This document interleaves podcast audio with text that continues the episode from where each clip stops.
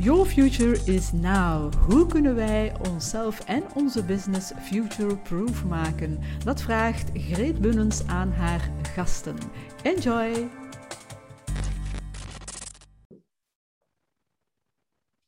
Recording in progress. Yes. Tommy. Yes, Greet. Are you ready? I am ready. Aha, oké. ik, heb er, ik heb er veel goesting in. Uh, ik heb, ik heb weer het gevoel dat dat hier een super tof gesprek gaat, uh, gaat worden. Uh, ik heb hier uh, de vorige sessie met uh, een gemeenschappelijke kennis van ons, Jonathan, van, die we leren kennen hebben samen, toen ik u leerde kennen, een aantal maanden geleden.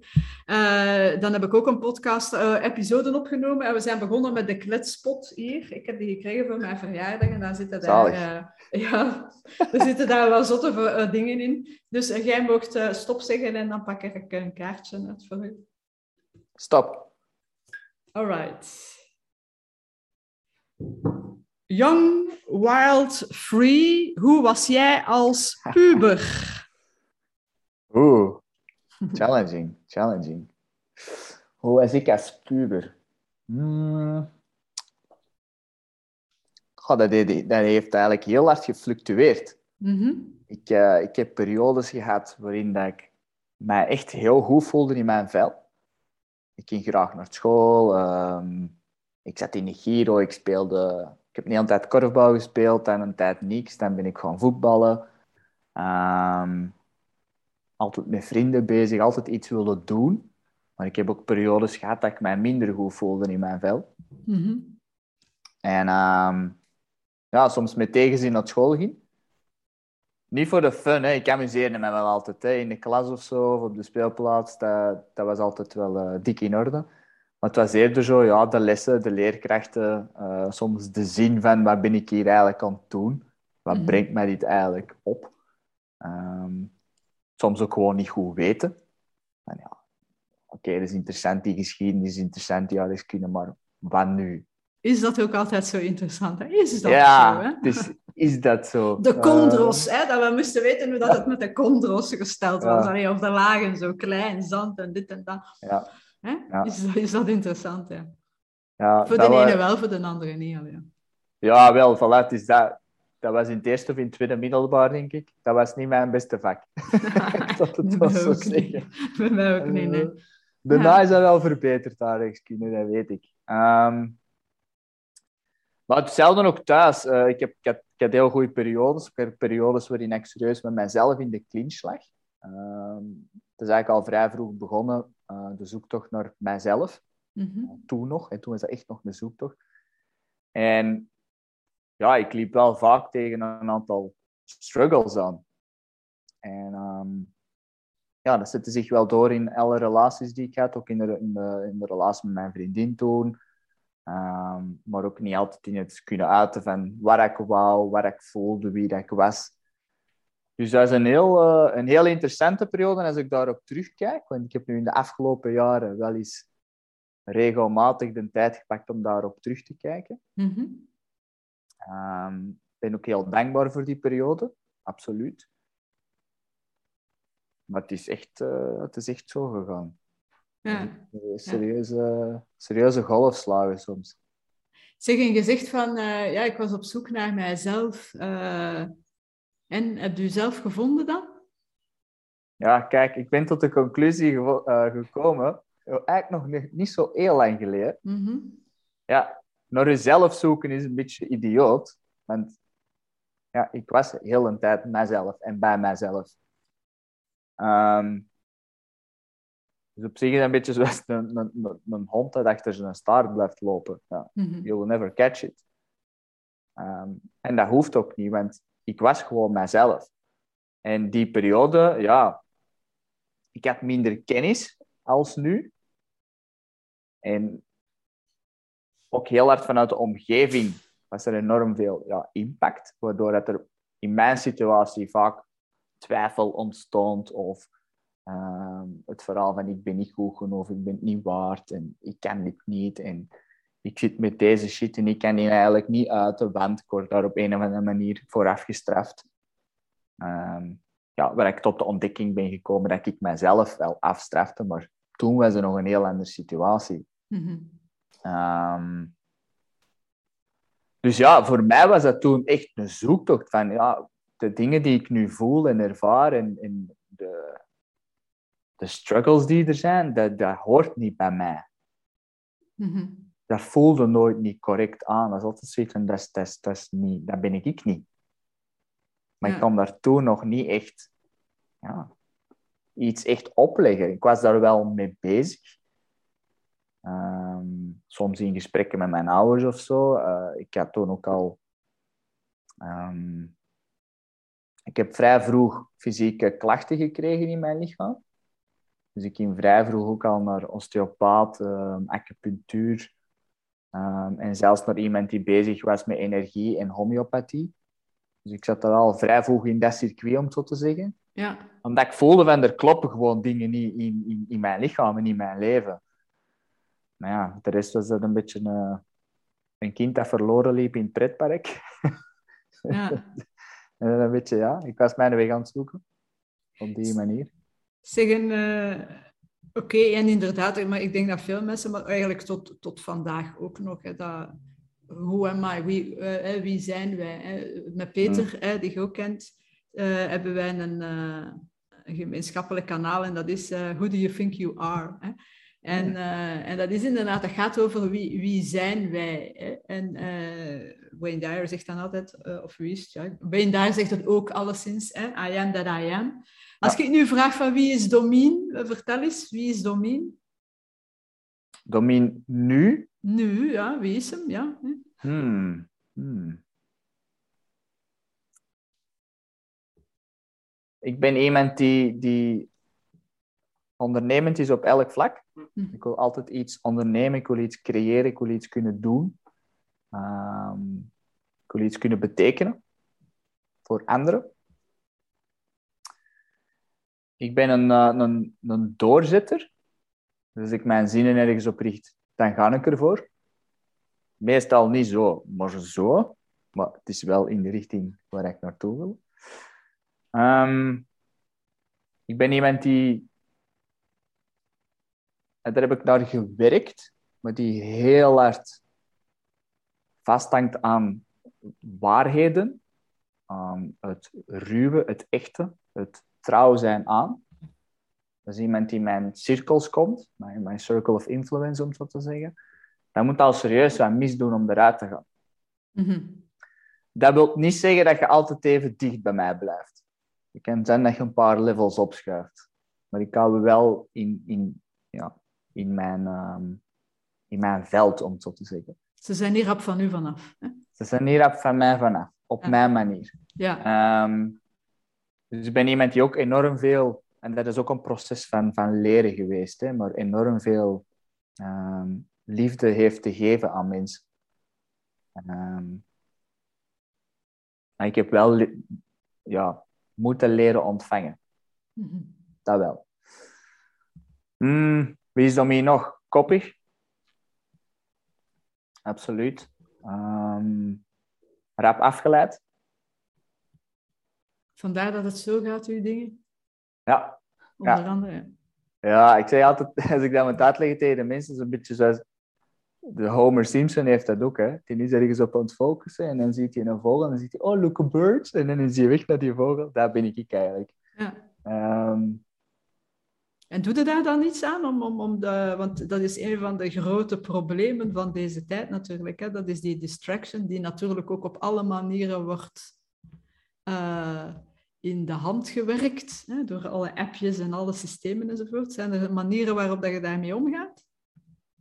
Ehm, ja, absoluut. Ik heb wel al een beetje ondervonden hoe dat, dat komt. D- dat heeft deels te maken met dat ik soms echt gewoon te veel tegelijkertijd doe. Ehm, dat is één. Twee, ik merk, ken, iets van human design. Mhm. Ja, en dus ik ben, mijn profiel is een manifester. Ah, ja, oké. Ehm waar ik gemerkt heb, niet dat ik 100% vasthoud aan het profiel, maar dat komt wel ja, heel dicht bij de waarheid. Ehm is ik met een draad kwijt. Dat zijn de mensen, de manifestors zijn niet degene die zo dingen wel starten. Dat zijn echte starters. ja, starters hè, en, en, en, en, mensen die, die um, ideeën in de wereld zetten en die al... Ja, ik, wij zijn al aan het autorijden terwijl andere mensen nog moeten instappen. Ja. Wij zijn, wij zijn al vertrokken. Um, maar het probleem dat ik bij mezelf dus ervaar, is dat omdat ik zoveel hooi op mijn kar wil nemen, dat mijn energielevels daar wel onder lijden. Ja. En sommige mensen die hebben, die hebben direct een, ja, een terugval in hun energie.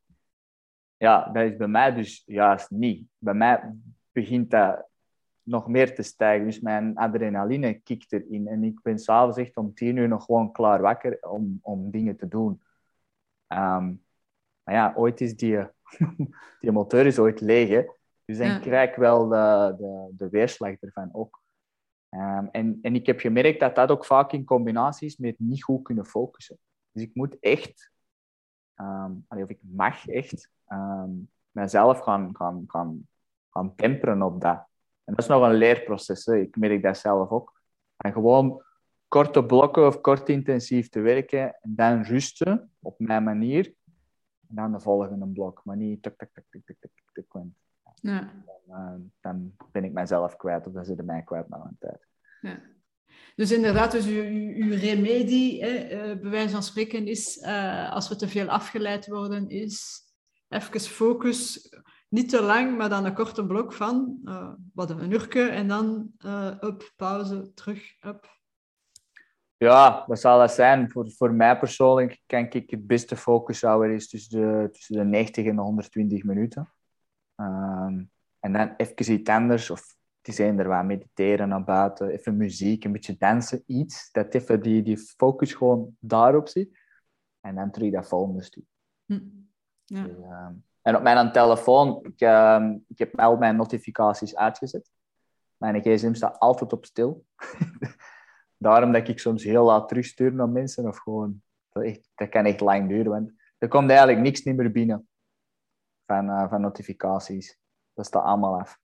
Om anders ik denk dat dat beter is, hè? Het doet er maar aan denken, zonder dat ik dat hier afzet, hè? dat wanneer niet ja. gestuurd wordt. Ik, ik, vind dat zalig, gereed. Sinds dat ik dat gedaan heb, dus dat... Uh, maar ik zet bij mij ook meestal mijn telefoon af. Hè. Dus, uh, zeker als ik dan inderdaad uh, gefocust ben, alles, uh, bijvoorbeeld boekhouding voorbereiden. Hè. Ik zet meditatiemuziek op, hè, zo van die 300 hoeveel, 67 hertz of hoe is het veel, hè, ja. de juiste ja. hertz. Hè. Ja. Dat zet ik op om rustig te worden, want ik I hate it. En dan al de rest moet afstaan. Oh wee, als er iemand ook binnenkomt dan, hè. dan ben ik niet te genieten. Allee, het is al beter geworden. maar dat is inderdaad de pure focus. En ik denk dat dat wel een goede manier manier is ook uh, om focus te bewaren, is in die blokken te werken. Uh, we kunnen niet alles uh, tegelijk doen. Want als ik dat niet doe, dan heb ik zoiets van... Ah ja, ik moet een domin nog mijn link van de Zoom sturen. En dan ga ik ah ja, naar Facebook... En dan zie ik iets anders en dan ben ik daar bezig en dan weet ik niet meer dat ik naar u eigenlijk een link wilde sturen. En dan denk ik daar drie uur nadien na, ah ja, ja, Domin moet nog altijd de link. Allee, zo. Hè? Ja. En dat is echt een, een probleem van de, van, de, van deze tijd een beetje. Hè? Dat, de, dat gebrek aan, uh, aan focus en heel veel distraction. Dus meditatie is daar inderdaad ook een goede, een goede voor. Hè? Doe je dat al lang? Um, ik mediteer nu ondertussen toch wel al um, een aantal jaar, ja. Maar ja. Dat, bij mij is dat deel... Ik heb niet echt een vast stramien. Dat kan soms vijf minuten zijn. Dat kan soms twintig of een half uur zijn. Twintig minuten of een half uur. Hm. Dat gaat van uh, stilte meditaties. Het is echt gewoon niks van geluid.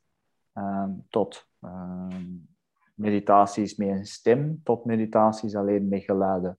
Dus heel, heel gevarieerd bij mij. Mm. Maar evengoed, een, een uur in het bos gaan wandelen is voor mij ook... Is voor mij zelfs nog een betere meditatie dan hier op mijn matteke zitten, bij wijze van spreken, mijn oortjes in. Ja. ja, maar dat is ook zo. Want eh, sommige mensen denken, ah ja, meditatie, eh, dan, eh, dan zit je daar, je moogt aan niks denken. Ja, ik krijg al stress van de gedachte dat ik aan niks mag denken. Hè. Voilà. En dan zo, maar ga niks denken, maar ga niks denken, maar ga niets denken. Zo.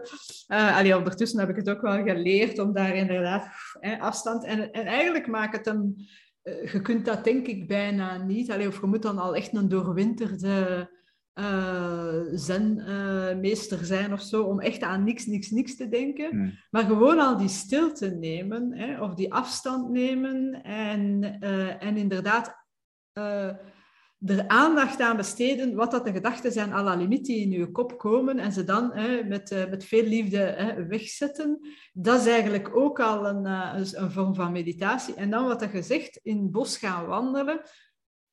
Ja, dat, uiteindelijk is dat ook uh, meditatie. Hè? Dus, allee, of dat kan ook meditatie zijn, laat ik het zo zeggen. Dus het hoeft niet allemaal stil te zijn zonder gedachten of weet ik veel wat. Hè? Nee, absoluut. Weet je, het is hetgeen dat jij ook zegt, Greet, zonder gedachten. Ten eerste, ja, dan moet je al zo'n doorgedreven monnik zijn die er bij spreken elke dag op zijn berg zit. Die mensen leven ook in een totaal andere omgeving dan wij. Mm -hmm. Uh, maar dat, volgens mij is dat niet de key van meditatie. Het is inderdaad, er komen gedachten op, er komen duizenden gedachten op, maar wat zeggen die gedachten? Wat... En dan komen we een stuk naar, naar, naar uh, het gevoel en de emoties die erbij komen. En, en ga er daar iets mee doen, bijvoorbeeld. Als een gedachte voorbij komt die je bijvoorbeeld verdrietig maakt, dan heb je net die gedachte nodig om dat verdriet naar boven te roepen. Dat is ook het meditatieve stuk. Kom je een les brengen op die moment. Mm -hmm. Dus... Uh, en zijn jij iemand die dat, uh, die dat toelaat, gemakkelijk? Uh, dus als je inderdaad een bepaalde gedachte hebt die, die je dan trist maakt, om dat gevoel ook echt toe te laten? Ja. Hm. Ja, ik heb gisteren bijvoorbeeld een meditatie gedaan uh, in voorbereiding van iets dat ik komende week ga doen. Maar het is een heel mooie meditatie. Het ging eigenlijk over de Light Warrior. Dus over de, de, ja, de lichtkant hè, van mij dan. Mm ja, ik heb, daar, uh, ik heb daarmee moeten wenen. Er werden dingen aangeraakt en uh, dan laat ik dat ook uh, toe, dat verdriet. Mm Absoluut. Want dus, allee, ja, dus bij mij is dat een leerproces. Hè? Dus ik heb heel lang, um, mensen die mij kennen, die weten dat verhaal ondertussen al wat. ik heb dus heel lang uh, was ik zo heel negatief. Hè? Dus als kind. Hè? Uh, puber was ik een hele negatieve persoon. Hè? Dus wie was jij in, in, mijn, in mijn puberteit, als ze dat aan mij vragen? Ja, hè? een enfant terrible is het minste dat je kunt zeggen. En maar dus nogal negatief ingesteld, om niet te zeggen heel negatief. En ik had dus was, ik was zo de persoon die altijd aan het zagen en klagen en, en zuchten was. Ik had ook een tik zucht zo. Ja. En uh, alleen lang verhaal kort, de, een ruzie met mijn papa en mijn zus, hè, de mensen die ik het liefste zag in de wereld, die hebben mij zo'n spiegel voorgehouden en die vertelden mij dat toen hè, in, zo, in niet zoveel bewoordingen van ja, eigenlijk you're a pain in the ass. Hè? Dus hm. no fun to be with. Altijd klagen, zagen, zuchten. En uh, dat was voor mij een hele belangrijke, zo niet de belangrijkste wake-up call in mijn leven. En ik heb daar dan wel, dus ja, oud was ik? Ergens een puber zeker. Uh, en veel mensen zijn daar natuurlijk wel wat negatief ingesteld hè, en, en, een beetje lastig en, en, wat is het allemaal. Ja, maar ik heb toen wel gezegd van kijk, dat wil ik niet meer. Dus ik wil niet dat de mensen die ik zo graag zie, dat die mij niet graag zien, omdat ik altijd zit te klagen, te zagen en, en te zuchten. Zo. Dus ik heb toen besloten van kijk, ik ga mijn, mijn, mijn leven veranderen. Uh, en ik ga die negatieve gedachten altijd ombuigen naar positieve. dus ja, ik, ik, ik, vond dat uit. Hè. Dus niet dat ik daar een boek over gelezen had. Internet was er toen nog niet. Uh, dus ik heb, ik heb het zo eigenlijk wat, uh, wat moeten doen. Dus ik, elke keer als er een negatieve gedachte bij mij opkwam, oh, dan was het, oké, hoe kan ik dat nu ombuigen? Of hoe kan ik dat verzachten? Of whatever zo. En uh, dat heeft wel gemaakt dat ik mijn negatieve mindset heb kunnen ombuigen naar een positieve mindset en dat je mij vandaag niet meer kunt beschuldigen van een negatieve persoon te zijn. Je kunt wel een keer een negatief moment hebben, maar ik heb nooit meer een negatieve dag. laat staan een negatieve week of zo. Het gevaar is echter, en dat is dan nadien pas gekomen, dat, uh, dat je op den duur niet meer de negatieve uh, gedachten enerzijds, maar ook niet de, de, negatieve gevoelens, emoties die daarbij horen toelaat. Allee, kom, hè? alles is relatief. Kom, je bent sterk, je kunt dat. Kom, niet onnozel doen. Hè? Dus er zijn altijd mensen die het erger hebben dan jij. En op de duur laten die gevoelens niet meer, uh, niet meer toe. En dat is bij mij nu echt wel een work in progress. en, en de laatste paar jaar nog maar, dat ik dat echt wel toelaat. En dat, en dat komt ook niet zo vanzelf. Vanmorgen bijvoorbeeld had ik een afspraak met, met een klant van mij, Fabine. En die had er niet beter op gevonden van een compilatie te maken van, voor mijn verjaardag, dus wel een tijdje geleden, het heeft van voeten in de aarde gehad blijkbaar, van, uh, van allemaal klanten van mij, om, om, om te zeggen, om voor mij een gelukkige verjaardag te wensen. Zo. Maar dat is een één liefdesbetuiging. Dat is niet normaal wat dat die mensen allemaal zeggen. Zo. En ja, dat, ik, ik moest live kijken zo. En zij pakte dat op zo. Maar dan is dat zo van... Ah, hè? Dus die emoties, die, dat komt op zo van... Ah, ik had dan tranen, inderdaad. Ik heb hier en daar wat tranen gelaten. Zo. Maar ik ben nu werkelijk aan, aan het wachten tot vanavond of zo. Dat ik echt tijd heb, zodat niemand er staat op te kijken. Hmm om echt volledig erin te gaan. Zo. Dus, uh, dus je ziet dat het wel, ik ben er wel mee bezig, maar toch, ja, als Fabina daar zit op te kijken uh, hè, en ze pakt dat dan nog eens op, moet ik daar dan werkelijk bij mijn traantjes zitten. Hè. Ja. Maar dus was fijn dat jij dat wel inderdaad toelaat ook zo. Hè. Boys don't cry, dat is niet iets van deze, van deze wereld en ook niet voor u dan. Ja, weet je, kijk, um, um, we hebben het nu, nu, nu haalden wel een onderwerp aan, hè. Um, Boys Don't Cry is, is, iets dat eruit mag uit deze wereld. hè? Um, maar dat nog steeds heel hard aanwezig is. En wij worden er allemaal mee opgevoed. Thuis, in school, maar ook gewoon maatschappelijk. Um, maar op zich, als je er ook over nadenkt, is dat niet echt... Dat is niet handig, dat is niet logisch en is totaal tegen onze natuur in. Um, Zowel voor mannen onderling als voor bijvoorbeeld een relatie tussen man en vrouw. Mm hoe, mooi het is als een man zijn gevoelens op die moment kan laten zien. En is dat verdriet? Is dat verdriet en hoort daar wenen bij? Hoort daar wenen bij? Want die twee hoeven ook niet altijd gekoppeld te zijn. Mm. Maar je, je, toont gewoon op die moment dat je letterlijk gevoelens en emoties hebt. En niet een of andere baksteen dat daar uh, aanwezig is. Dat is toch wel belangrijk. In mhm. relatie, in opvoeding. Um, maar er zit toch heel veel gelaagdheid uh, rond tegen. Dat, is, uh, dat mag nog veel veranderd worden op dat mhm. punt. Ik spreek persoonlijk ook niet graag over negatieve gevoelens en emoties. Want daar, daar, daar is dus een heel, in mijn ogen een heel beeld rond gecreëerd geweest. Eh, woede of uh, frustratie, dat is allemaal negatief. Nee, dat is gewoon een emotie of een gevoel. Klopt. Um, dat op die manier geuit wordt mhm. door bepaalde prikkels. Mhm. Want anders krijg je bijvoorbeeld zo'n situatie dat jij nu zegt van hey, op den duur ga ik heel een tijd een positieve mindset. De wereld is niet alleen positief. Er gebeurt ook gewoon shit. En ook in ons leven. En dat hoort erbij. Maar op den duur ja, sluiten u af van die gevoelens. Niet alleen jij, maar er hangt daar enorm veel gedoe rond. En want je mag niet woedend zijn, je mag niet gefrustreerd zijn, je mag niet dit, je mag niet dat. Ja, op den duur voelt het ook letterlijk niet meer. Ik heb echt cliënten die het letterlijk niet voelen, omdat het zo is afgesloten. Dus, uh, maar bij mij bijvoorbeeld, bij, verdriet zitten ook nog stukken hoor. Stukken die ik voel, maar die nog niet volledig op die moment geuit kunnen worden, omdat er nog muren voor zitten. Mm. Een proces, hè. Absoluut, work in progress. Hè? Dus, uh, Ja, dus uh, zeg, en je zegt van ja, soms heb ik klanten die, uh, die het echt niet voelen. Uh, wat doe je dan? Um, ja, de emoties en gevoelens is natuurlijk voor mij in, in, in wat ik doe met mijn cliënten een grote um, leidraad. Dus ik heb een stuk um, ja, ik zal... Eens, misschien moet je eens vertellen wat dat je ook doet, hè, voor de mensen die kijken. Ja, misschien inderdaad wel handig.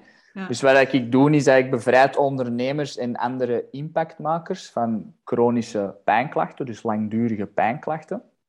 Dat kan gaan van een hernia tot ehm, depressie, tot uh, oververmoeidheid, uh, fibromyalgie bijvoorbeeld. Dus vrij breed wel, maar dus dingen die lang aan de gang zijn, die regelmatig terugkomen of die niet opgelost raken.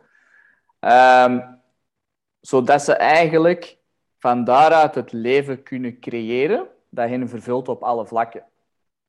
waarom zeg ik dat op die manier? Omdat ik ook merk dat het hebben van een bepaalde pijn of klacht hen tegenhoudt om te floreren in al die andere domeinen. Want ze zijn dan zo gefocust op die pijnklacht dat ze al de rest niet meer zien.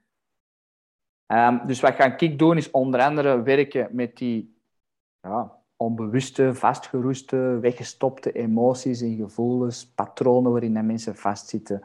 Ehm, om daar eigenlijk in te graven en, en, en dingen los te maken.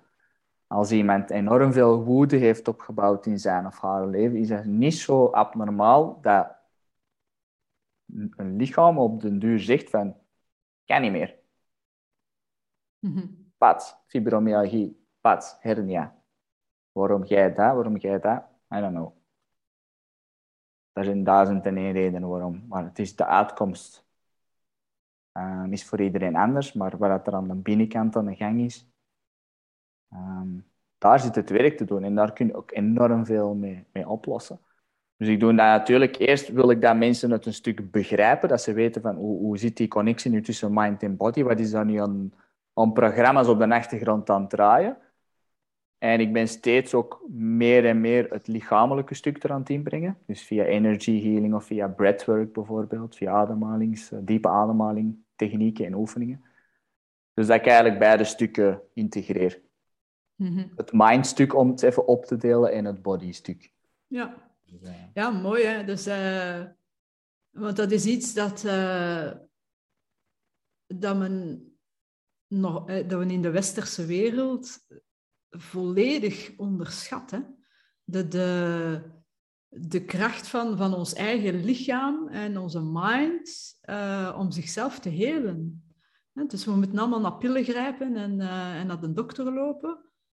Maar uiteindelijk hebben wij een fantastisch lichaam dat zelfhelend is als we het toelaten. En we hebben ook, uh, is het heel vaak zo, blijkbaar, ik ben natuurlijk alles behalve een specialist ter zaken, dat, uh, maar het interesseert mij wel gigantisch. Ik ben dus heel veel ook aan het lezen, uh, zeker de anderhalf jaar, het laatste anderhalf jaar, uh, over, um, over die mind-body connectie en het feit dat we ons eigen ziek maken. Het is, oké, okay, je hebt een stuk -hmm. natuurlijk de, de omgeving, maar dat is wat dat Bruce... Bruce Lipton ook zegt van de epigenetics. Hè? Dus van, de, hoe noemt zijn, hoe is zijn boek weer?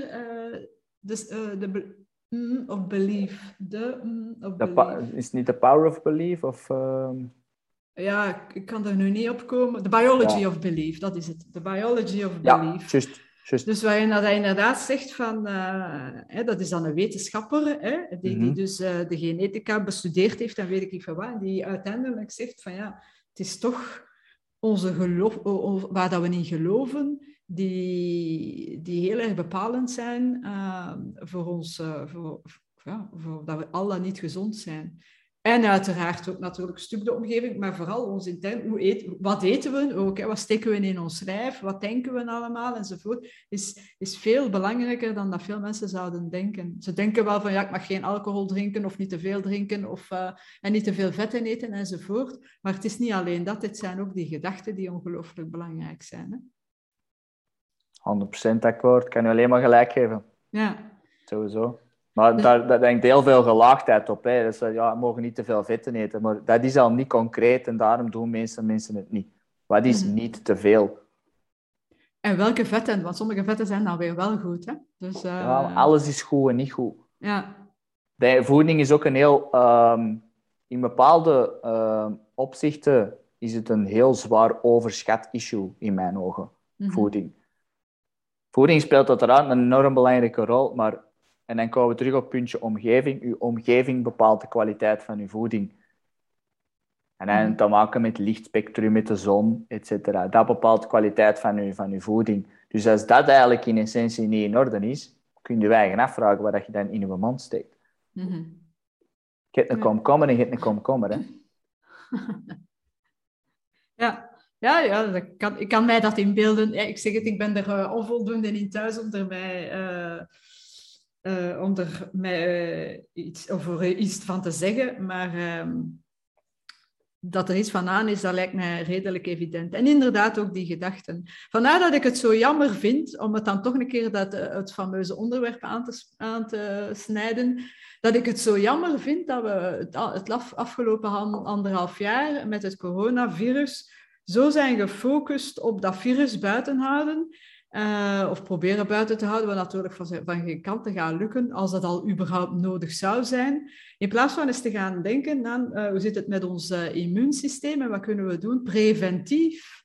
Hmm. En daar wordt eigenlijk amper aandacht besteed, aan besteed in de, in de mainstream media. Dus met z'n allen hè, moeten we nu binnenkort het derde vaccin gaan halen, hè, voor wie dat er al twee heeft. Mm -hmm. Maar het, het, het preventieve, daar wordt amper aandacht aan besteed. Ja, absoluut. Mhm. Ik vermoed dat jij wel met die dingen bezig bent, het, het, preventieve ook. Uh...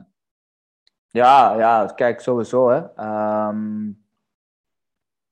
En er zou al tegenstrijdig zijn, ook met mijn job bijvoorbeeld. Maar dat, om even terug te gaan op hetgeen dat je er net zegt, um, het is mooi dat je de aanmeldt het zelfhelend vermogen van het lichaam en dat je daar ook al boeken over leest en want die, die, die, die kracht van ons lichaam is zwaar, zwaar onderschat. Mhm.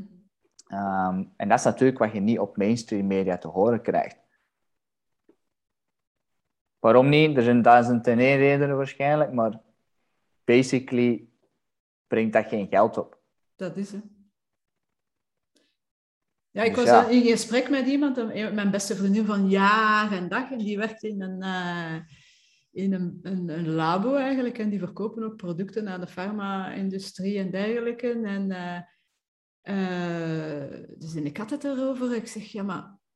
want zij is dan zeer pro-vaccin. En, en, en, alle recht natuurlijk. Iedereen kiest daarin wat dat hij wil. Maar we hebben gewoon een open discussie. Goede discussie. Hè? We zijn vriendinnen al eeuw, hè? Met, met respect voor elkaar, gelukkig maar.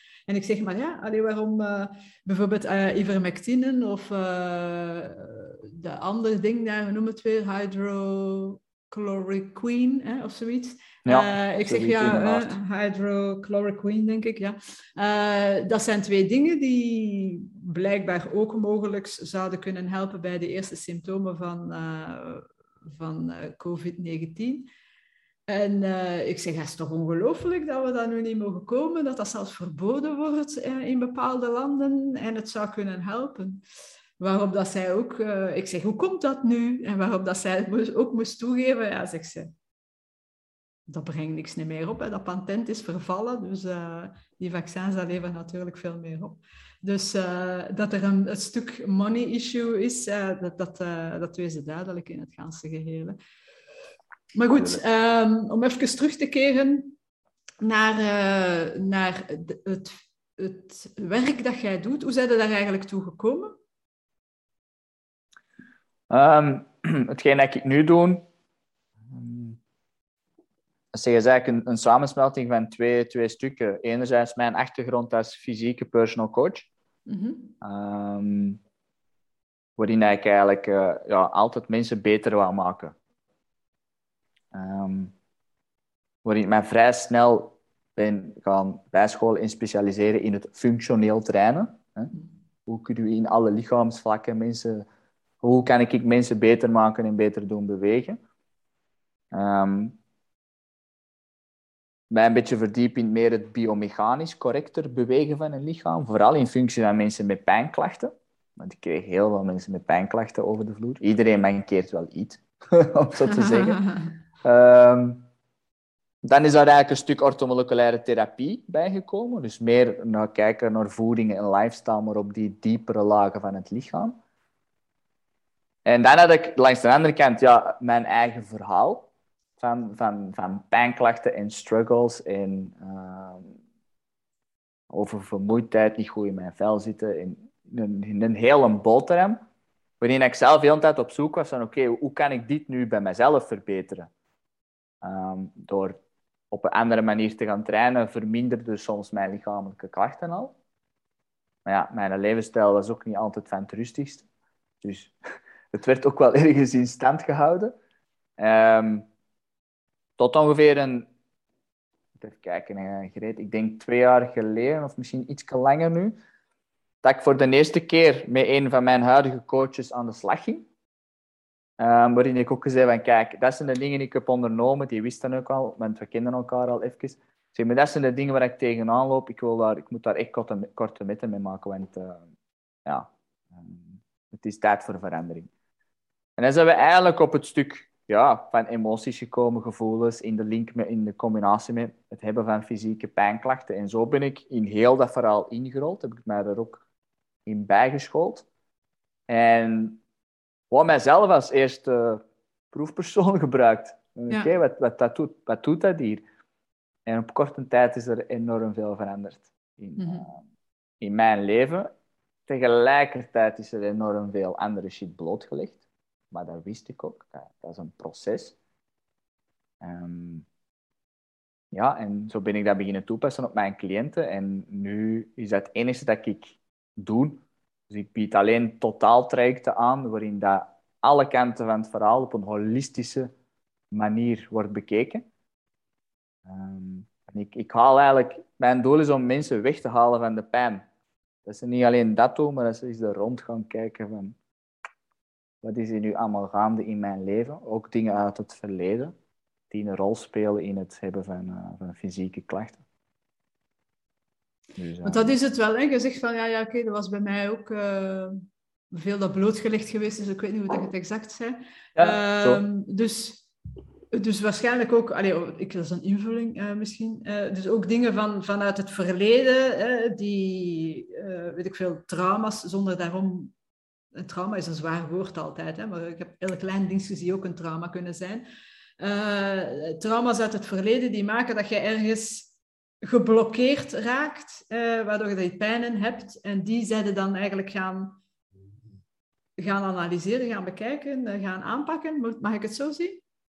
Ja, zo kun je dat bezien. Mm alles, alles wat wij meemaken in ons leven is trauma. Mm alleen de, uh, de context verschilt van persoon tot persoon. En daarom bezien we dat niet altijd zo. Een kind dat op driejarige leeftijd wordt achtergelaten, achtergelaten. De mama gaat in de winkel even twee, drie minuten uh, iets zoeken. Dat kind kan daar al getriggerd worden, bijvoorbeeld door verlatingsangst. Dus dat is een traumatische gebeurtenis. Maar ja, als we dat dan gaan vergelijken met bijvoorbeeld, ik zeg maar een extremer voorbeeld, een verkrachting, dan is dat het grote trauma, dat, maar dat ander niet. En dat klopt eigenlijk niet. Het gaat om de gebeurtenis in het lichaam. Um, en het, het, het effect daarvan is hoe dat wij daar als mens mee omgaan. Mm hoe, hoe dealen we eigenlijk met die gebeurtenis? En dat zorgt ervoor omdat we dat ofwel niet weten of niet meekrijgen, of ja, wat dan ook, zorgt ervoor dat we met die, met die, um, met die pijnen blijven zitten. En waardoor dat, dat die traumatische gebeurtenis dat, dat blijft aanslepen, aanslepen, aanslepen, aanslepen. En dat ligt ook dat ligt aan de basis, in mijn ogen, van het hebben van, van klachten. En alles komt uiteindelijk samen. Hè. Emoties, gevoelens, uh, traumatische gebeurtenissen. Uh, ja, het wegstoppen van ons, van ons innerlijk kind. Zeker als we volwassen worden. En want we zijn dan volwassen, dus dan mogen we geen kind meer zijn. Zo, er zit heel veel, heel veel zwart-wit, uh, zwart-wit gedachten achter en heel veel gelaagdheid over. Als er een stuk in u nog zit, een kleine Greet van zeven jaar bijvoorbeeld, die zich op een gegeven moment niet gezien voelde, dat is niet één moment, dat zijn verschillende momenten, um, maar die is nog steeds nu niet gezien door u, ja, dan kan dat dus voor gedoe zorgen in uw lichaam. Want dat is wel een stuk van u. Mm -hmm. Dat is uw kleine versie. Ja, en dan kun je dat onder druk... Allee, je moet er natuurlijk al bewust van zijn. Uh, maar zelfs op latere leeftijd, net uh, wat, om, om terug te verwijzen naar wat ik daar eerder zei, hè, dat alles moest positief zijn, alles is relatief enzovoort. En oké, je duwt dat maar, je duwt dat maar weg, weg, weg. Op een bepaald moment ontploft dat toch wel een keer. En dan kan dat het, het, het raarste, uh, raarste ding zijn, dat plotseling triggert. Hè. Dus dan, ik heb dat ooit eens gehad, dat mijn papa een lumineus idee had om een brief te schrijven lang verhaal kort, ik ga dat niet helemaal uit de doeken doen.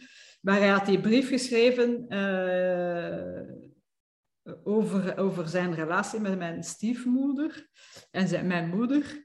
En, en, wij, de zussen, mochten dat lezen. Hè. Dat was zo een, een soort van ode aan, zijn, aan mijn stiefmoeder eigenlijk. Hè. Dat was een soort van liefdesbrief en wij mochten dat lezen. Hmm. Man, is daar een potje van een deksel, eh, een, een, deksel van een potje gesmeten geweest. Jongen, jongen, jongen, ik wist niet waar ik het had. Hè? dat heeft toen heel veel uh, blootgelegd, die, die, die stomme brief, bij wijze van spreken. Zo. Dus, uh, ja, kan ik zeker inkomen. Ja. Kan ik zeker inkomen. Ja. Alleen, dus jij toen ontploft? Ja, ik zie mij nog altijd. Ik had aan die, ik denk dat dat was zo'n mail op, uh, op uh, ik was het aan het lezen op mijn iPad in mijn bed. Uh, en ik wist niet wat dat ik, waar ik het had. Ik begon te wenen, wenen, wenen. Ik zeg, wat is dat hier? En heb ik dan wel een zoektocht moeten ondernemen naar uh, waarom ben ik hier nu zo kwaad om? En initieel dacht ik zo van het, uh, in de brief, allee, ik zal dan toch een beetje vertellen. Hè. Uh, in, initieel ging het, was mijn papa, dat is eigenlijk nogal persoonlijk en dat eigenlijk bijna nog aan niemand die vertelt, ging het over dat mijn papa mijn, mijn echte mama niet zo in een goed daglicht stelde en mijn stiefmoeder wel. Nu, je moet weten, mijn stiefmoeder is nu mijn grootste fan en ik kom er heel goed over, mee overeen. Maar uh, vroeger, dat was de Wicked Stepmother. Hè? Dus is Assepoester, dat, dat was mijn verhaal. Hè? Maar voor mijn zus en ik. Dus we hebben een hele, hele moeilijke jeugd gehad door die, uh, door die stiefmoeder. En uh, ik was dus initieel heel erg kwaad om, om te zien van, ja maar Ela, manneke, jij zit hier zo op te hemelen. Maar dat mens was helemaal niet, niet oké vroeger. Hè? Dus we hebben daar echt mee afgezien. Hè? En dat, dat was ik eerst daarover. Dan dacht ik van, oh, de tweede ding was zo van, ja, de niet-erkenning. Dat was dus dan een, tijdje verder. dacht ik van, ja, hij erkent ons verdriet niet. Dat van mijn zus en. Hè?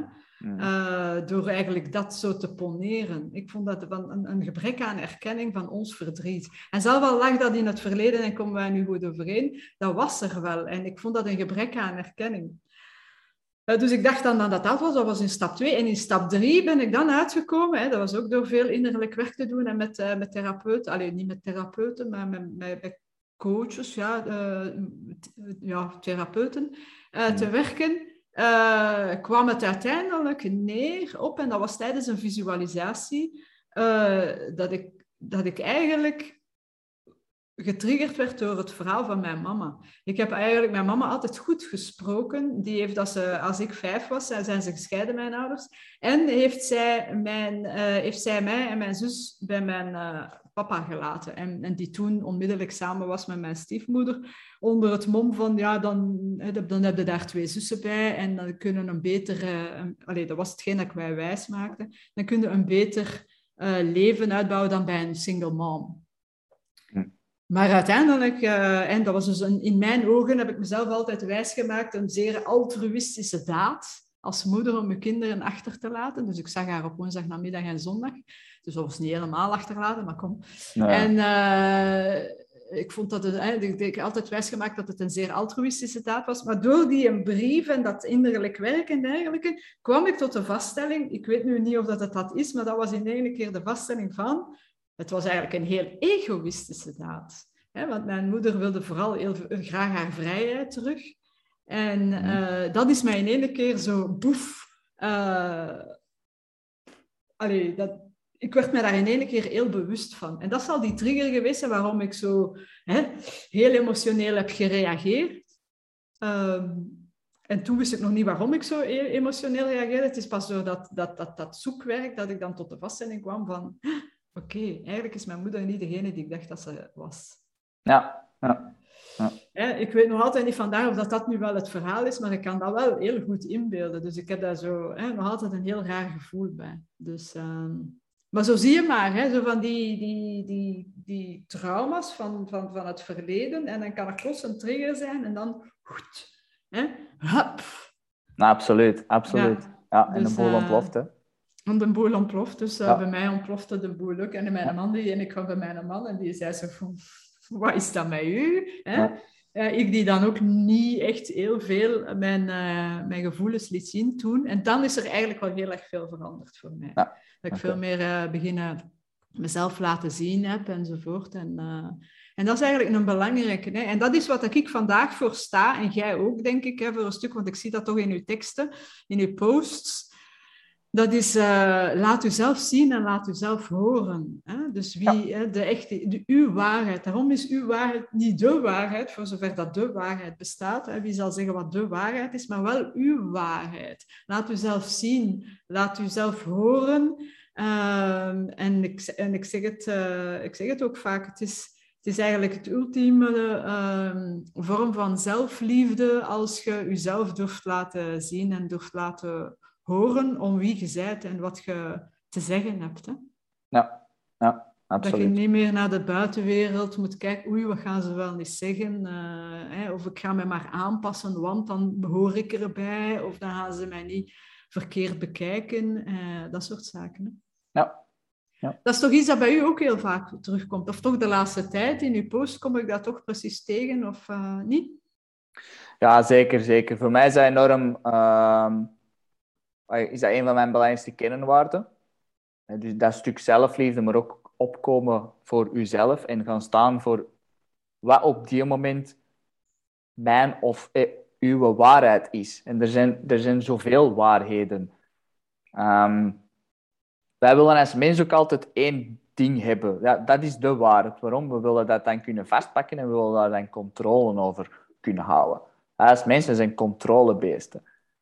Um, naast het feit, alles moet ook altijd bewezen zijn. Dat is nog zo'n ding. Um, we leven in, in, in, in, in, de, in een wereld, in een omgeving, kijk naar ons lichaam, waar we hoeveel procent van begrijpen de dag van vandaag? Maar toch lopen we hier, toch draait alles, toch, toch stroomt een boel. En wij willen alles kunnen controleren en vastgrijpen en dan nog eens bewijzen. Um, dus het is een heel, um, in mijn ogen, idioot ideologisch gedachtegoed. Uh, en dat, dat zie je in een, in een tijd zoals uh, de, nu met de Rona ook. Ja, dat is dat. Nee, dat is een optie. Dat zou kunnen. En daar zijn nog duizend andere deurtjes die ook zouden kunnen. Um, en dat is oké okay, welk deurtje dat jij kiest, alleen met het ja, belangrijk dat het respect blijft naar andere mensen toe. En wat voor mij enorm hard is opgevallen, misschien voor u ook uh, gereed, is die, um, dat mensen inderdaad niet echt gaan staan voor wat ze echt voelen, wie dat ze echt zijn hun waarden en hun normen. Sommige mensen weten het gewoon niet. Mm en waardoor dat je onder andere extreme vormen van polarisatie krijgt. Je krijgt echt kampen. Dat, was, mhm. dat, was, dat is altijd al geweest. Hè? Dat is niks nieuws hè? van nu. Alleen ligt er nu heel veel bloot, vind ik. Ja, het valt heel erg op. Hè? Ja het gordijn is wel stevig naar beneden gevallen nu. Dus alles, is, alles ligt gewoon bloot, vind ik. Ja, voor de mensen die het zien. Voor de mensen die het zien. Maar als jij niet gaat staan voor je eigen waarheid, wat jij op die moment voelt, dan gaat het dingen niet zien. Waar het toch mag zijn. Mhm. Ja, ik zeg altijd, mensen zien wat ze willen zien en horen wat ze willen horen. En, uh, en voor een stuk is dat zo. Dus het is een, een echte goede, belangrijke oefening, vind ik. Uh, en dat is wel iets dat ik uh, al heel mijn leven wel doe. Uh, dat is durven, durven kunnen leren afstand nemen van de zaken en met een andere blik naar de dingen kijken. dus met een andere bril, bij wijze van spreken. Als men u iets zegt, dat niet altijd onmiddellijk als waarheid aannemen, maar dan een keer van een andere kant gaan bekijken. En zo ook wat je zelf zegt tegen jezelf. Hè. Niet altijd je gedachten, geloof niet altijd wat, dat je, wat dat je denkt, is denk ik zo zo'n bekende mhm. uitspraak. Maar dat is het wel. Hè. Dus dat we, iemand zegt iets tegen u, dat komt binnen, een emotie, een gevoel, uh, en we zijn heel erg kwaad, en dan is dat, wat een aap is dat? Waarom heeft hij dat gezegd? Sommigen stellen zich ook die vraag niet, dat is direct een aap, en die stellen niet de vraag van waarom heeft hij dat gezegd? Terwijl als we nu daar, als we een keer in die persoon zijn... Uh, zijn uh, schoenen gaan staan en eens gaan voelen van, ja, hoe zou dat nu eigenlijk kunnen dat die persoon zoiets zegt? Dan hebben we veel meer uh, begrip, hopelijk, voor die andere persoon. Wat dat niet betekent dat we daarom moeten goed praten wat dat hij gedaan of gezegd heeft, maar we gaan wel met veel meer uh, begrip kunnen naar die, naar die persoon kijken en waarom hij bepaalde dingen gezegd of gedaan heeft. En ik vind dat voor mij een, uh, een hele belangrijke, en als, als mensen dat wat meer zouden kunnen, het leven zou veel beter zijn, denk ik. want op die manier kunt jij iedereen vergeven. Mm. En ik vind dat een, als mensen mij vragen, ja, wat, waar, waar zijn jij fier op? Wat, hè, wat zijn, dan is dat dat kunnen vergeven.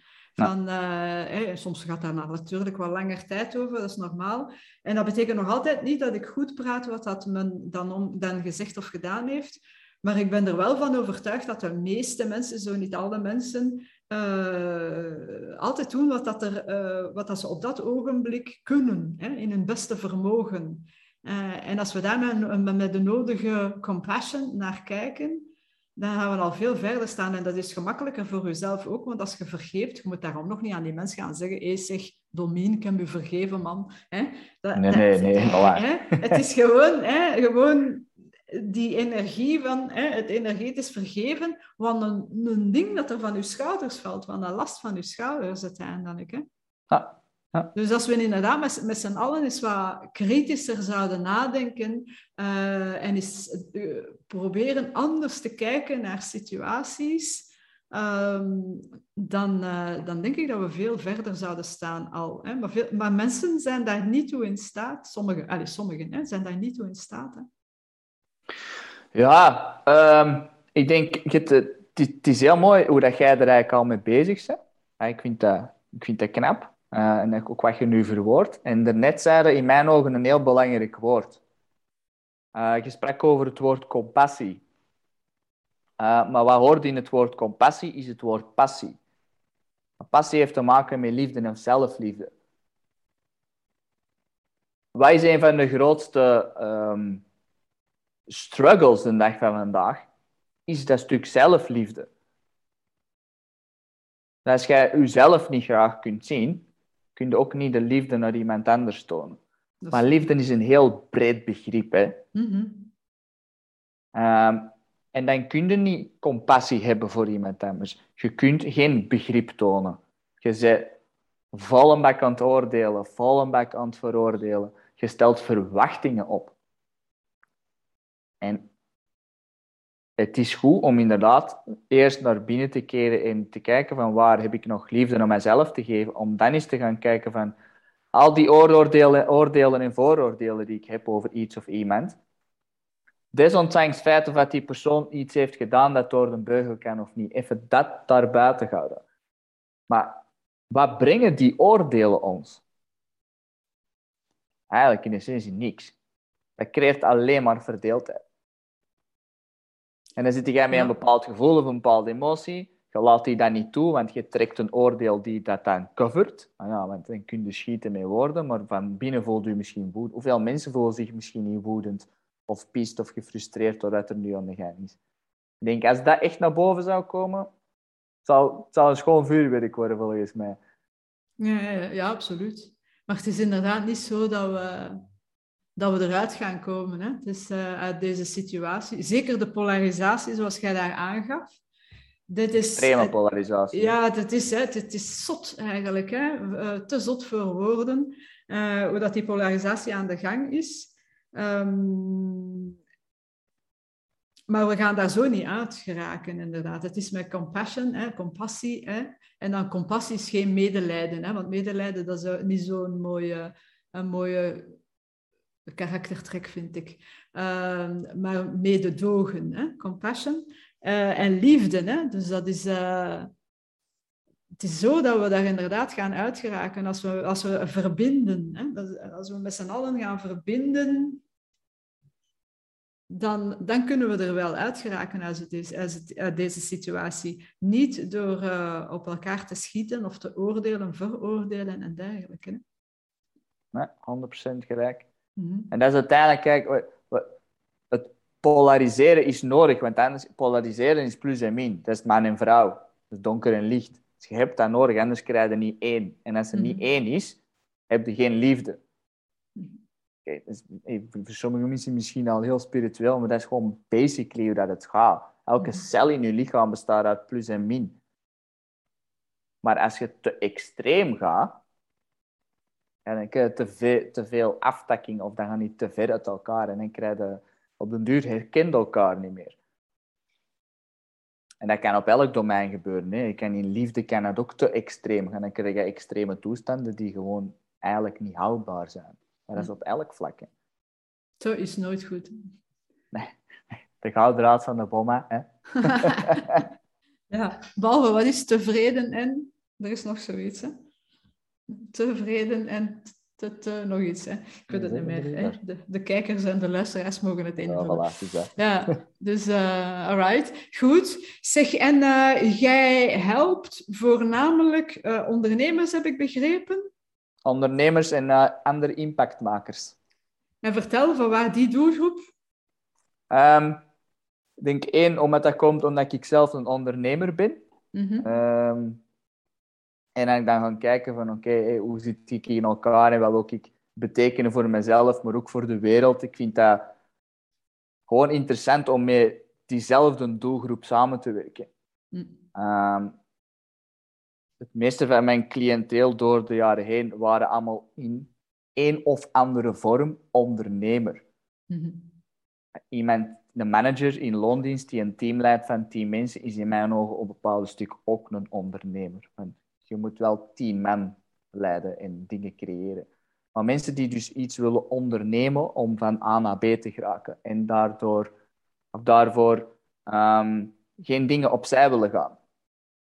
En dus vanuit, ik vind het ook heel interessant om met mensen samen te werken die op hun manier impact willen maken op de wereld. Mm Dat zijn gewoon mensen, ik ga daarvan aan. Als ik mm met iemand samenwerk die mij geen energie geeft, nee bedankt.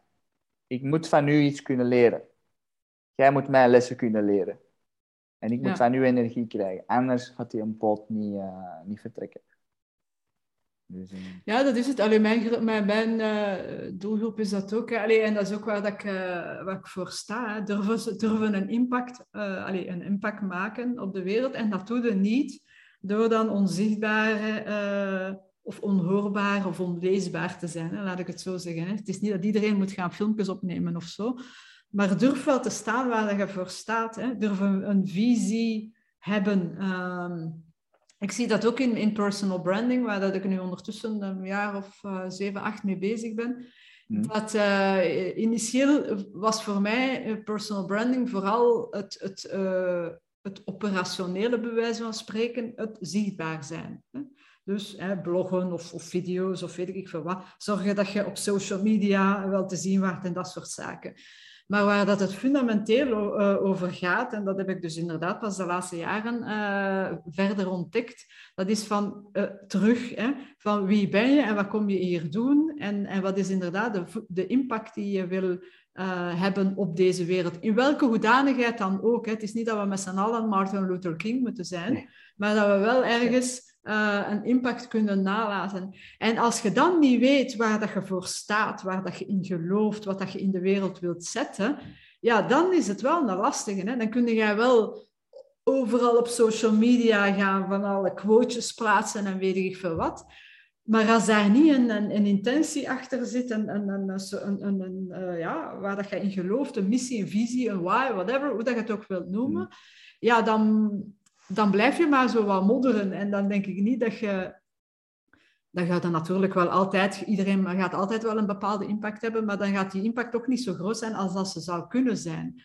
En ze zou groter kunnen zijn, want iedereen heeft ongelooflijk potentieel. Ja. Als we maar durven. Ja, absoluut. En dat zien we inderdaad. En ik vind dat dat ook het laatste anderhalf jaar uh, zeker naar voren gedu uh, geduwd is. Vandaar dat ik er ook altijd op terugkom. Uh, dat is, uh, we durven bijna niet meer te zeggen waar dat we voor staan. Uh, omdat er langs de ene kant heel veel censuur is ander, af, uh, afgelopen anderhalf jaar. Maar waar, dat er ook zoiets is als een overdreven polit, politiek correctness, hè? political correctness. We zijn met z'n allen zo gevoelig geworden. Oh wee, als Uncle Ben's koppeke, een zwart koppeke op de Engelbens rijst staat, die moet eraf. Hè? Want oh, dat gaat op de zere teentjes van de dieren. En dan, hè, uh, wat is het? Positieve discriminatie. Dat is een contradictio in terminis zo. Dus we zijn met z'n allen zo gevoelig geworden dat we met z'n allen moeten zeer politiek correct ons uitlaten. Maar dat betekent dat je bijna niks meer kunt zeggen. Hè? Nee. nee. En of daar, wordt eh, een, uh, hè, dan een seksist of een racist of een, wat is het, een feminist of een, hè, een dit of een dat. Ja. Een ist. Ik ben een ist, inderdaad. een narcist in mijn geval, daar ben ik ook al van beschuldigd. Dus ja. allee, hè, dat is het. En dat is het een beetje een spijtige, want wat ik dan ook uh, denk, en dat brengt ons weer naadloos naar wat jij mee bezig bent ook. Als mensen... Uh, uh, rap offended zijn, beledigd zijn door een uitspraak van het een of het ander. Hè, uh, en dan de anderen liggen te beschuldigen van seksist of antisemitist of wat is het allemaal te zijn. Ja.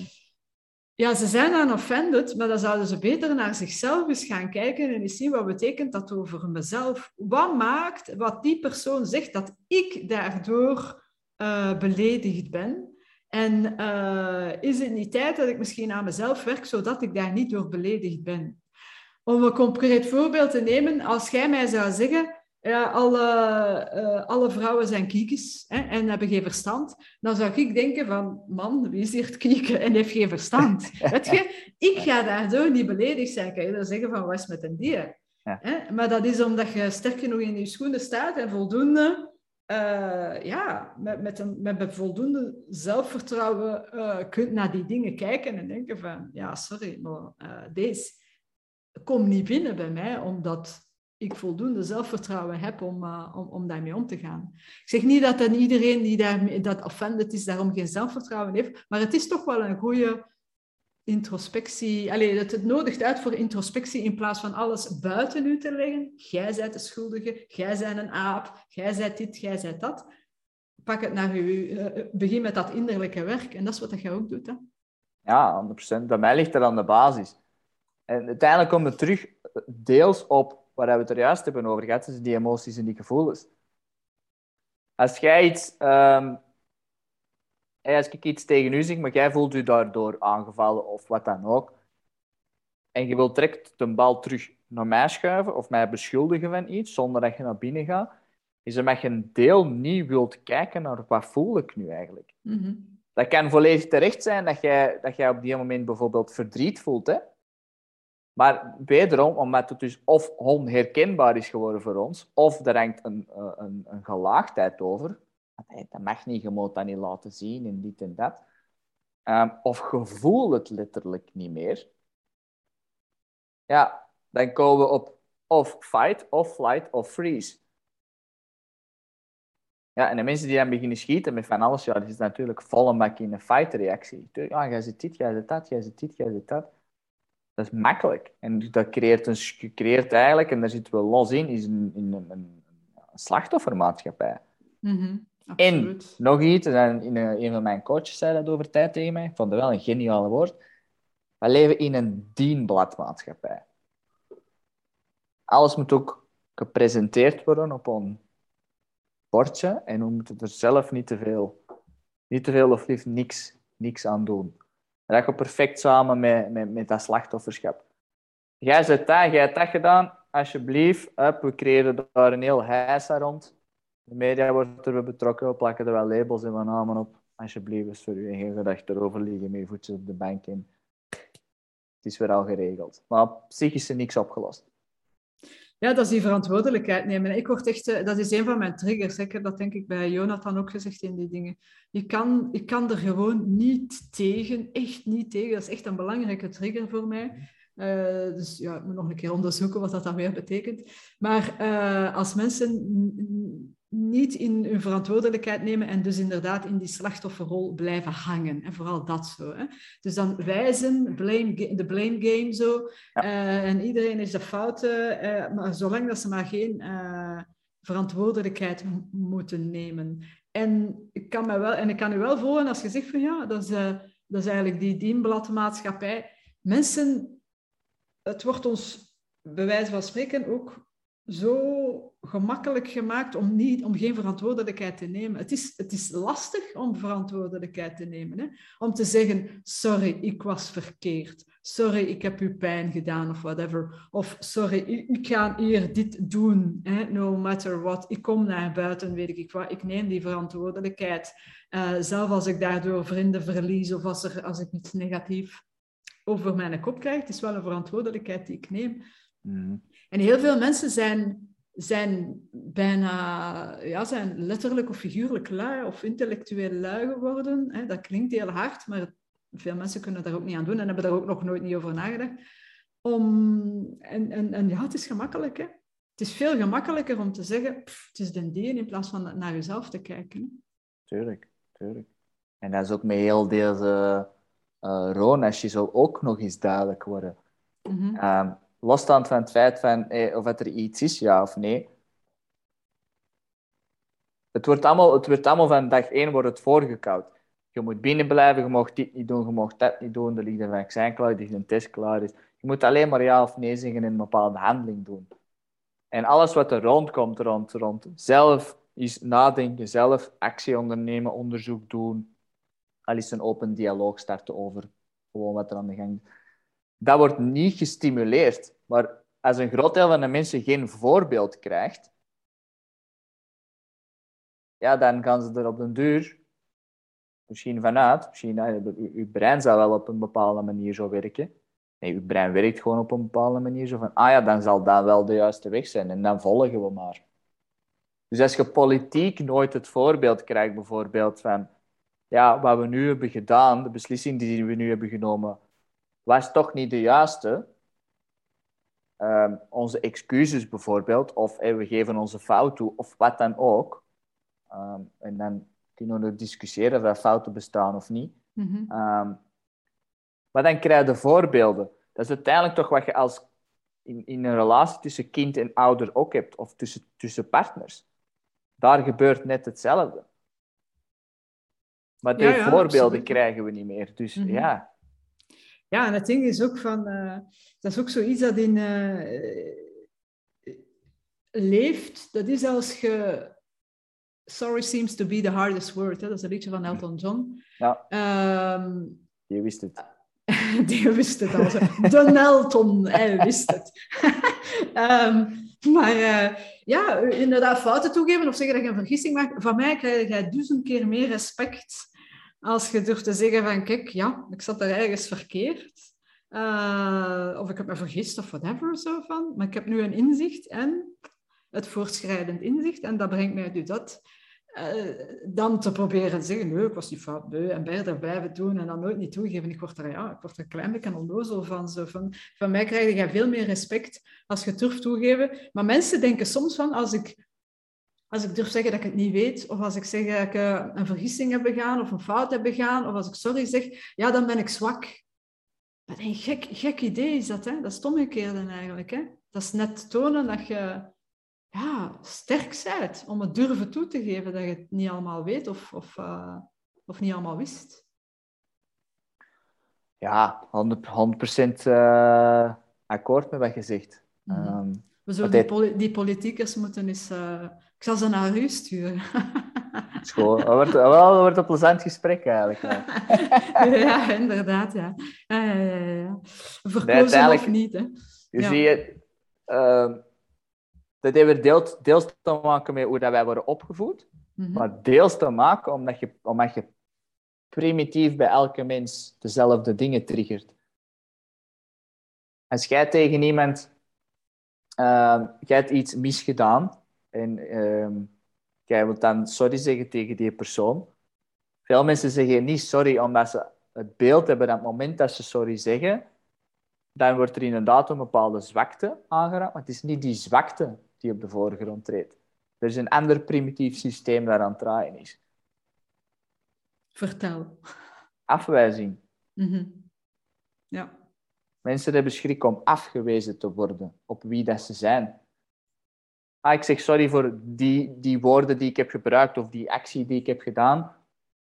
Maar omdat wij zo willen vasthangen aan woorden en acties, want dat zijn dan wij, dat is precies dat is van ons, dat is weer die de controle. is dat wij worden geraakt in ons zijn op die moment, denken we. Als het maar een beeld dat wordt gecreëerd. Maar ja, als je daar dan vasthoudt, ja, dan tilde daar wel heel zwaar aan. En dan ik niks van, ik kan nooit, ik zeg geen sorry, ik heb niks. Ik schaar de bal in uw kamp. Dus, Zowel je mag minstens even gemakkelijk zou afgewezen kunnen worden dan. En wat dan nog eerlijk gezegd, hè, we hebben inderdaad de neiging, daar hebben we gelijk in, hè, we hebben de, uh, de neiging, uh, allez, we willen altijd ergens bij horen, dat is des mensens, hè, bij een groep horen, vandaar ook onder andere die polarisatie. Uh, maar wat als jij uitgestoten wordt op de, uit die groep, uh, we zijn in de 21ste eeuw beland. Ik denk niet dat dat nog levensgevaarlijk is. Hè? Dat zijn nog echt van die dingen van, ja, als je uit die groep gestoten en konden opgeten worden door een of ander wild dier. maar, uh, maar hier vandaag uh, is dat niet. Ik heb dat de laatste anderhalf jaar, twee jaar nu ook al gemerkt met het einde van het Business Boost Event, dat bepaalde mensen inderdaad zeggen van, hè, dus besloten hebben dat ik niet meer in het goede kamp zit, bij wijze van ah, spreken. Uh, terwijl ik ook altijd zei van, maar allee, het maakt niet uit eigenlijk, hè, van mensen moeten niet kiezen, hè, moeten geen kamp kiezen. Voor mij is iedereen oké en iedereen welkom. Maar goed, je voelt dat dan wel. En dan is dat langs de andere ene kant natuurlijk heel erg uh, jammer en uh, dat maakt mij tristig, omdat ik, zoals jij, van mij zit er niet rap vanaf. Dus ik ben iemand die zeer loyaal is naar, uh, naar mensen. En daarom ga ik niet elke, elke, elke maand of zelfs elk jaar met u bellen. Maar uh, je zit in mijn, zeker mensen die een keer in mijn hart hebben gezeten, ja, dat, dat, dat moet heel veel moeite doen om daaruit te geraken. Dus dat doet echt wel hard pijn. Heel echt hard pijn. Als mensen mij dan niet meer moeten, bewijzen van spreken. Anderzijds uh, zegt mijn uh, prefrontale dan ook wel van, uh, ja maar Bunus, wat, wie heb je echt nodig? En gaat jij dan doodgaan van hartzeer omdat, je, omdat die mensen nu niet meer moeten? Mensen komen en gaan ook en misschien zijn dat dan toch niet de, de juiste mensen of niet de mensen die bij u passen als die niet, u niet meer willen, bij wijze van spreken. Ja, ja absoluut. Dus ja, de being rejected, uh, I get that. Uh, dat doet zeer, dat is niet fijn. Anderzijds, ja, er komen weer andere. En dat, is, dat zie je nu ook, hè. er komen weer heel veel nieuwe mensen op je pad ook. Dus dat is het goede aan die ganse, aan die ganse situatie ook. Hè. Plotseling leer je vrienden kennen. Vind je dat nu? Ja, tuurlijk. Kijk, in, in, in, uh, er, komt, er komt heel veel nieuwe pad en er wordt heel veel blootgelegd naar waar ik mij aan ehm, moet ik zeggen, wat voor mij een dagelijkse mantra is om mij aan vast te houden en wat niet altijd lukt. Hè. Uh, maar is, hoe kan ik naar iedereen oordeelloos en verwachtingloos kijken?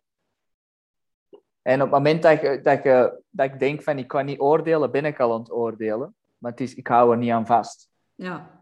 Want iedereen heeft zijn of haar eigen verhaal en iedereen is even belangrijk ook in wat er nu allemaal gebeurt, oké, het ligt heel veel bloot, maar dat zal dan ook wel een reden hebben.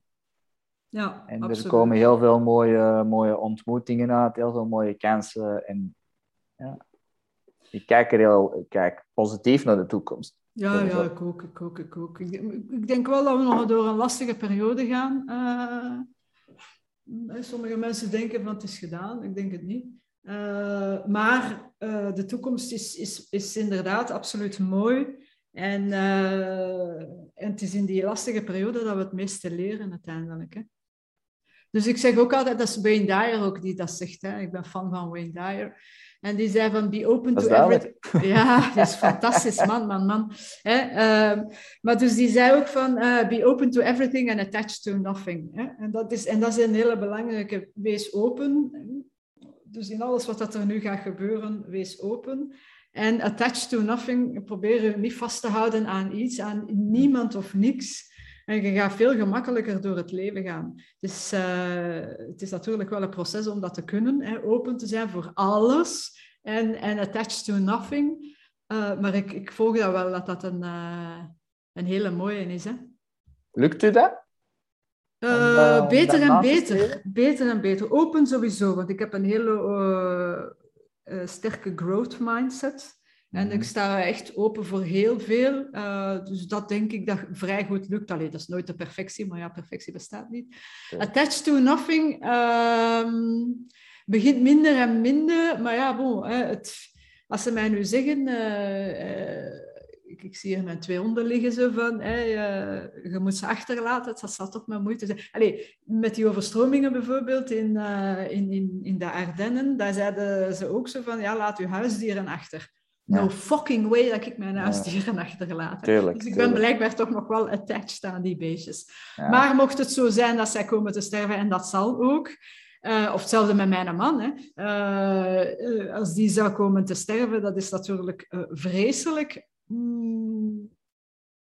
Maar life goes on, hè. hoe raar het ook eh, mogen zijn. Dus eh, ja, dan heb je verdriet en dan moet je ook door je... Door je... Maar ja, wie heb je echt nodig? Je hebt eigenlijk niemand echt nodig of iets echt nodig. Oké, je, je hebt eh, zuurstof nodig om te ademen en je hebt voeding en, en, en zo nodig, hè, de Maslow-pyramide. Maar voor de rest heb je niet zo heel veel echt, echt nodig. Hè. Als u droppen, eh Domien, hè, ze droppen u, hè, je hebt niks bij, geen telefoon, geen, eh, geen, geen creditcards, niks, geen portefeuille, ze droppen u ergens, ik zeg maar wat, in China, hè, ergens. Mm. Ga je overleven? Of ga je daar dood neervallen omdat je niemand bij u hebt en geen telefoon en geen... eh, Nee, ik, ga, ik kan op die moment alles doen om, om te overleven. Absoluut. En, eh, en daar ga je ook in slagen, hè? omdat je, allez, je zet ook, je pakt de- dat het in een stad is daar ergens, hè? in China, whatever, ja, dan, dan klampt daar iemand aan. Je, je, je vindt je weg altijd. Hè? Tuurlijk, tuurlijk. Dus, eh, en dat is het ook, hè, die resilience. En dat is een belangrijke nu voor de komende jaren nog, dat is die resilience. Hè. Dus eh, resourcefulness en resilience noem ik dat altijd. Ja. Het zijn de twee woorden die ik ook bij het, eh, bij het begin van de corona heb gezegd, van, en, en, en dus het einde bij mij, want dat valt dus samen, van het Business Boost Event.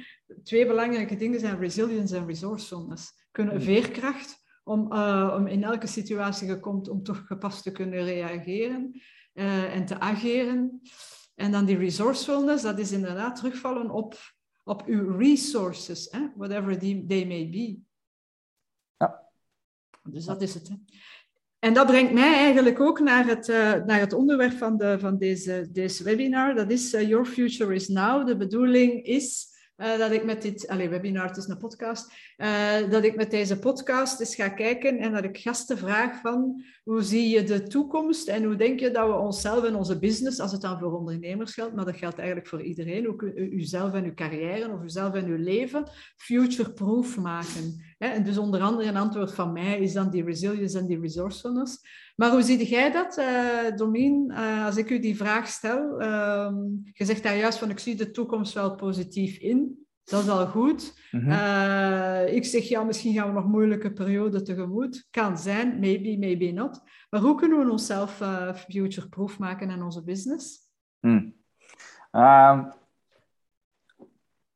ja, sowieso gaan we nog moeilijke periodes tegemoet. Ehm, Dat is part of life, hè, bedoel. Stel je, voor, life. stel je voor dat altijd positief en alles... Hè, dan zou het ook eh, saai worden misschien. Hè? wie weet, misschien wel. En we hebben de nacht nodig om te genieten van de dag. Hè? We hebben de, zon, eh, de, de regen nodig om te genieten van de zon. Hè? Dus, eh, Voilà, voilà. yes. Dus, ehm ehm, ja, er, er zijn een aantal dingen. Hè. Eén, wat we al besproken hebben, eh, maar dat voor, mij is dat super belangrijk. En ik denk dat dat super belangrijk is om, om eh, dat wij als mens daar veel meer mee gaan bezig zijn, is van het, het innerlijke werk doen. De connectie met jezelf terugvinden. Want we zijn zoekende. Daarom dat we ook willen vastklampen aan dingen. Ehm, omdat je dan van daaruit, een soort van reverse engineering, je gaat op een heel andere manier kijken, niet alleen naar jezelf, maar ook naar je omgeving, ook naar het werk dat je doet, naar de onderneming dat je leidt. Uh, je gaat op een andere manier kijken naar, naar, ehm, naar geld, bijvoorbeeld, of naar het materialisme dat we hebben. Heel veel dingen doen we en integreren we in ons leven om leegtes op te vullen. Maar als je dus het proces omkeert, is er op de duur geen leegte meer om op te vullen. Dus je bent automatisch gelukkiger en meer in connectie met jezelf. En die, die, die, die liefde, die zelfliefde, automatisch wordt die uh, aangevuld. Dat kan niet anders. Um, dus voor de toekomst is dat een heel belangrijke shift dat we mogen gaan maken. Um, wat zich automatisch, of allez, automatisch, wat zich dan volgens mij gaat, uh, je gaat andere principes krijgen van uh, ondernemingen of structuren of maatschappijen of, of, of regeringen of whatever, omdat we vanuit een ander principe kunnen handelen en denken. Ik denk ook, denk, als ik mijn gevoel moet volgen, dan uh, vertrouw ik daar 100% op dat we terug meer gaan gaan naar um, communities, nederzettingen, iets in, iets in die stijl, waarin dat verbinding centraal staat. En waarin we terug meer, naast dat we terug meer in ons contact komen met onszelf, ook meer in contact komen met de natuur. Mm Absoluut. Dan is het ideale, is van hoe kunnen we eigenlijk hetgeen dat we nu hebben, combineren met respect naar bijvoorbeeld de natuur. Hoe kunnen we oude wijsheden van vroeger, want er is al zoveel ontdekt, er is al zoveel geschreven, zoveel dingen dat, we denk, dat ik soms denk van, allee, dat gebruiken we niet, we zijn dat vergeten. Hoe kunnen we dat implementeren? In combinatie met nieuwe technologie, hè? Mm -hmm. Dat is niet verkeerd, hè? Ik bedoel, wij technologisch zijn wij topdingen aan het doen. Gooi dat samen in een pot. Dan, dan, ja, dan krijg je, bij wijze van spreken, de, de ultieme situatie in mijn ogen. Ja, ik denk, ik volg u daar 100% in. Hè. Back to nature, maar inderdaad in combinatie met de technologie. Hè. Maar technologie is aan zich niet slecht. Is hetzelfde met de wetenschap, is aan, aan zich niet slecht. Integendeel, als het maar goed gebruikt wordt hè, voor de goede doeleinden. En dus dat kunnen we inderdaad uh, wel doen. En back to nature ook. Hè. Ik, uh, ik las uh, over, gisteren nog iets van Jeff Bezos, de man van Amazon. Mm. hij ging dan nog een keer wat geld geven om, om wat dingen, de natuur te redden. Ehm, en, uh, want we moeten de natuur controleren of zoiets, zei hij daarop. Hè? Dat was zo'n rare, een, een, rare statement, zegt hij. Ze zei van, ja, we moeten wij niet de natuur controleren. We are nature. Hè? Uh, we moeten met de natuur leven in plaats van proberen de natuur te controleren. En daar is denk ik ook helemaal fout beginnen gaan. Maar dus als we inderdaad meer terug met de natuur kunnen leven, met elkaar in verbinding, zoals gezegd. Misschien inderdaad meer lokaal dan dat we dat de laatste decennia hebben gekend. Ja. Ehm, en met veel meer liefde, zelfliefde naar liefde naar elkaar toe, dan, uh, dan inderdaad zijn we al goed bezig. Hè? Zeg, misschien nog een laatste gouden tip dan, uh, Domien, van uh, je zegt van ja, hè, meer naar onszelf, uh, naar introspectie, naar onszelf uh, keren binnen, hè, hoe, hoe, moet ik het zeggen? Hè? Dus who are we?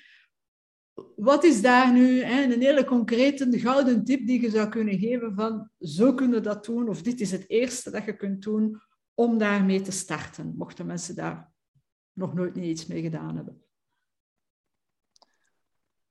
Goh. Uh, er, zijn, ik, er zijn er een aantal. Mm -hmm. mm. Wat denk ik, wat, dat, wat dat in ieder geval voor mij heel veel heeft gedaan.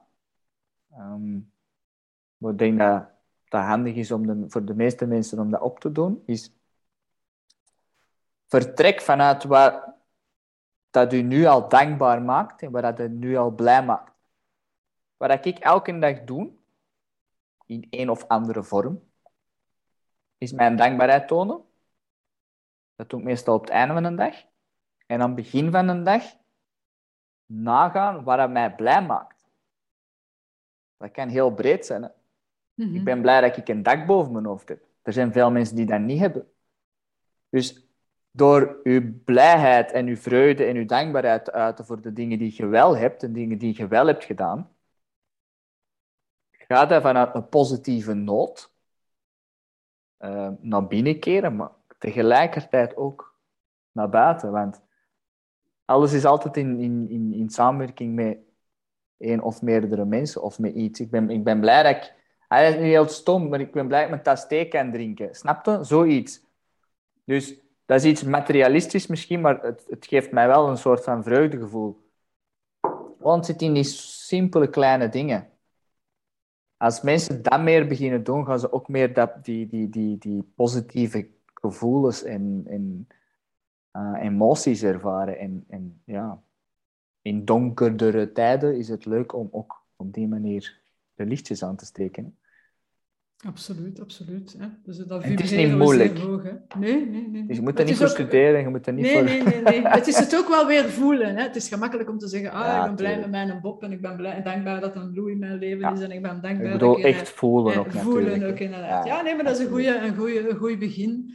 Uh, die dankbaarheid. En uh, ja, dat is ook iets dat ik geleerd heb. Zo, uh, don't take anything for granted. Hè. Zeker de laatste tijd heb ik dat nu gemerkt. Zo van, oh ja, jij zegt uw tasje thee, maar you never know dat er, dat er nog veel uh, vrachtwagenchauffeurs van alles blokkeren en dat een thee niet doorgeraakt. Hè. Shit, dan moet ik koffie drinken. Hè.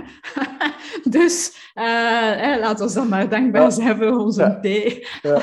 ja. Ik denk maar voor de koffie, hè? ja, het is dat, het is dat, of dat we dat nu lusten of niet. Hè. Uh, is er iets dat ik nog niet gevraagd heb en dat je zegt van, hè, behalve hoe dat we nu kunnen contacteren, maar dat gaan we dadelijk doen, maar uh, iets dat je zegt van, ja, maar dat wil ik nog zeggen kunnen nog uren babbelen. En dat denk ik ook, ja, dat denk ik ook, ja. kunnen nog uren babbelen, hè. Um, nee, ik denk, ik denk, dat ik voor nu het belangrijkste heb gezegd. Ja, mm -hmm. ja eigenlijk wel. Ja. Ik wil nog eindigen met verhaal en dan wil ik weten hoe dat we nu kunnen bereiken, hè, via welke kanalen. Jij zei daar straks... Uh, die, eh, gans in het begin van het gesprek sprak over een hond die in zijn staart zo uh, altijd ronddraait om in zijn staart te bijten. Zo. En dat is ook een schoon verhaal dat ik ooit eens gehoord heb. Van, het gaat dan over twee katten. En ik vind dat een mooie metafoor ook alweer. En past wel in het geheel, vandaar dat ik het wil vertellen. Misschien heb je het al eens gehoord. Uh, er is een, uh, een, een, een, jonge, hè, een jong katje, een kitten, en die is een hele tijd achter haar staart aan het lopen. Zo. En uh, er is dan een, een wijze oude kat en die vraagt aan de jonge kitten zo van, ja maar wat doe jij, wat doe jij? En de jonge kitten zegt van, ja ja, op de kattenuniversiteit hebben ze mij geleerd dat het geluk in uw staart zit. En uh, ja, ik moet, ik moet dat, proberen dat te, te pakken. Hè. Ik probeer het geluk te pakken. Daar ben ik mee bezig. Zo. Terwijl dat dan die oude wijze kat zegt zo van... Ah ja, ik ben niet naar de kattenuniversiteit geweest. Uh, maar mijn, uh, mijn ervaring heeft mij wel geleerd dat inderdaad, je hebt gelijk, het geluk zit in je staart. Maar wat ik gemerkt heb is, waar ik ook ga, het geluk achtervolgt mij altijd. Oh, zeg. Kei mooi. Dat is een kei mooi. Mooi, hè? Mooi, hè? Ja. Dus, ja. uh, dus voilà, ik vond dat een mooie om deze te eindigen. Absoluut, absoluut. als mensen nu willen uh, contacteren, waar kunnen ze het beste bereiken? Um, ofwel via mijn website www.sumapersonalcoaching.be of .com. Um, maar dat mag ook, uh, allee, dus daar staat mijn e-mail ook op. Kunnen ze een, een gesprek aanvragen. Um, mijn telefoonnummer staat erop. Of via Instagram of Facebook, kan ook. Ja, ik zal de gegevens uh, hier wel toevoegen en dan kunnen mensen uh, u contacteren als ze zeggen van, ja, dat is een interessante. Of ik heb ook pijnen en ik wil ja. daar iets mee doen. Alright, mag ik u bedanken voor het geweldige gesprek. Dat is heel graag gedaan. Yes. Jij bedankt voor de uitnodiging. En ja, de, ja, ook graag gedaan. Fijne dynamiek en energie. Dus, ja, ja, ja, ja, ja, absoluut, dus, absoluut. Ik vind het altijd plezant als we niet voorbereid zijn. Kijk, het is al begonnen met wat doen we als puber? Ja. Hè? Of waar, hoe waren we als puber? En, uh, en, kijk waar het ons allemaal geleid heeft. Dus, uh, nee, dikke merci. Het was super interessant. En uh, uiteraard, we gaan deze gesprekken nog zeker verder zetten in de toekomst via andere initiatieven. Alright. Absoluut. Goed. Salutjes. Bye bye. Ciao, Greet. Bye bye. Super tof dat je meedeed. Vergeet niet naar mijn website te gaan, greetbunnens.be. Daar vind je heel veel gratis artikels, video's, audio's, lots of fun stuff. Bedankt daar.